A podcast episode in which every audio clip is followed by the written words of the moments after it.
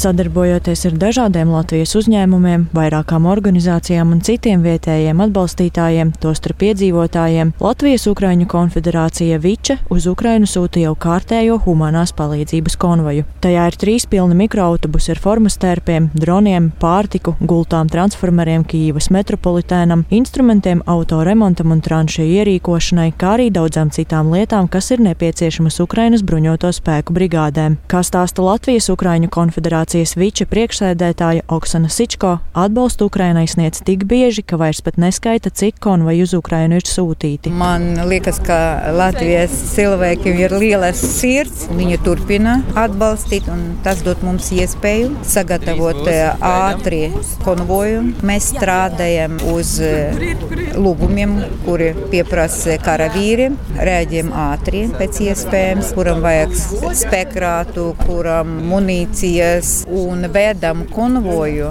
cik iespējams tuvu pie frontes. Tāpat konvojā ir arī vairāki transporta līdzekļi. Ar uzņēmumu Latvijas finieris atbalstu uz Ukrainu pie karavīriem dosies militārais kvadrcikls un divi apvidus auto. Pateicoties labdarības iniciatīvas Stopify savāktajiem naudas ziedojumiem, Ukrainas aizstāvi saņems arī militāro bagiju. Tas ir aprīkots ar bruņojumu, kas pasargās karavīrus no šķembām. Arī biedrība Džendum ir konvojam sagādājusi auto. Mēs uzsākām akciju, lai vāktu naudu tieši džipam, kurš ir. Savukārt dziedātāja Katrīna Gupalo un Ukraiņu mūziķis ar latviešu saknēm Edgars Vilcāns, sadarbojoties ar Viče, vāca ziedojumu uz džipam, kas vajadzīgs Kīvas drāmas un komēdijas teātra aktierim Mihailam Dosenko, kurš nu ir kļuvis par snaiperi Ukrainas armijā.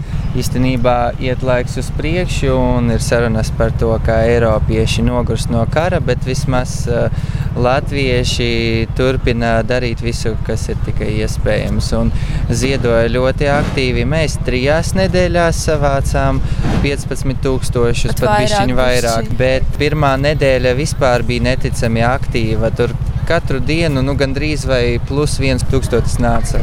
Arī labdarības organizācijas Ziedot LV komunikācijas vadītāja Ilza Ošāne stāsta, ka šobrīd cilvēki izteikti vēlas palīdzēt tieši Ukrainas aizstāvjiem, ziedojot naudas līdzekļus vai arī dažādas nepieciešamās preces. No Ziedot LV puses mēs redzam, ka cilvēki vēl joprojām aktīvi atbalsta Ukrainas labdarības programmas, tāpat kā līdz šim. Jā, varbūt tam brīžiem tā aktivitāte ir salīdzinot ar iepriekšējo gadu samazinājusies, bet tik un tā portālā Ziedot LV ir vairāk kā 15 dažādas labdarības iniciatīvas Ukrainas atbalstam cilvēki katru dienu ziedo. Varbūt šajā mirklī ir izteiktāk parādīsies tendence, ka cilvēki šos regulāros ziedojumus ir izveidojuši Ukraiņas projektu atbalstam. Biedrības Vīča šoferi humāno konvoju uz Ukrainu nogādās līdz nākamās nedēļas sākumam. Agnija Lazdiņa, Latvijas radio.